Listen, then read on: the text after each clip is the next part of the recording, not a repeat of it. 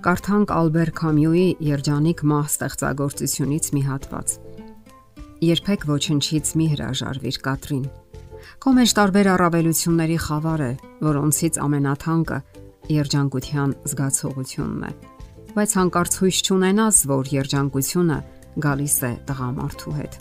Որքան կանայք են այդ սխալը թույլ տալիս։ Երջանկությունը քո ներսում է, Կատրին, ոչ թե դրսում։ Պետք է ընդամենը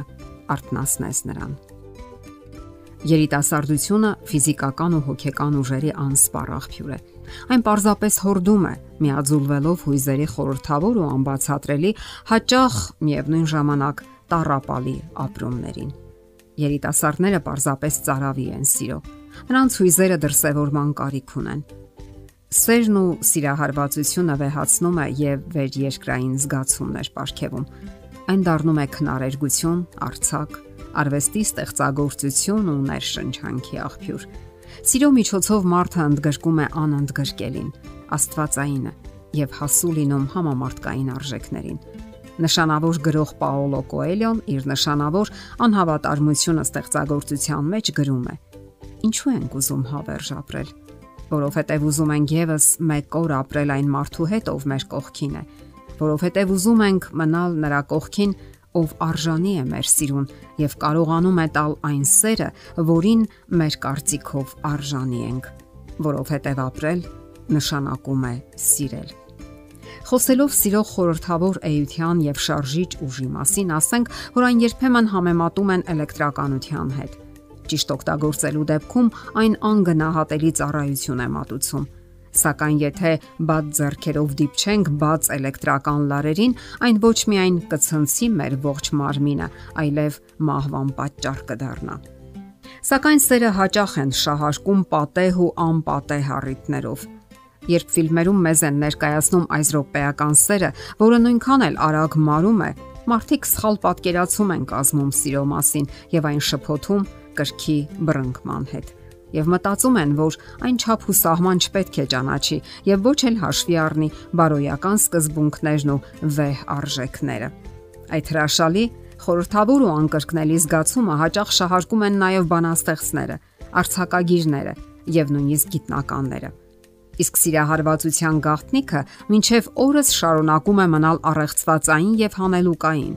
Այն հաճախ հանդես է գալիս որպես մարտահրավեր ժամանակակից գիտությանը, Այն երբեմն չի ենթարկվում տրամաբանության եւ բանականության օրենքներին սակայն բոլոր դեպքերում անհրաժեշտ է հասկանալ նրա բնույթը եւ ճիշտ խորհուրդներ եւ ուղի առաջարկել երիտասարդներին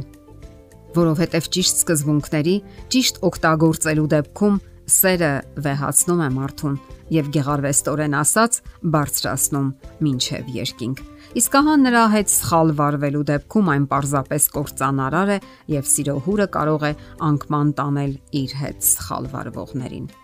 Գոյություն ունեն բազմաթիվ բացատրություններ այն մասին, թե ինչ է սիրահարվածությունը։ Հոգեբաններն օրինակ ասում են, որ պատանեկան ու երիտասարդական սիրո միջոցով սիրահարվածները փորձում են մուտք գործել կյանք եւ հասու լինել սոցիալական փոխհարաբերությունների բարդ համակարգի գաղտնիքներին ու կանոններին։ Նրանք այդ ձևով են փորձում դրսևորել իրենց խիստ անհատական ու եզակի էությունը։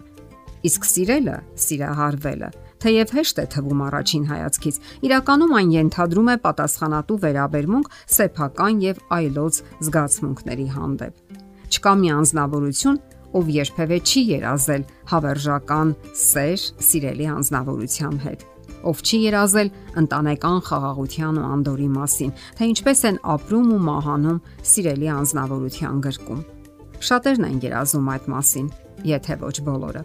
Սակայն կյանքում ստացվում է այնպես, որ շատ քչերին է հաջողվում իրականացնել իրենց այդ գեղեցիկ երազանքը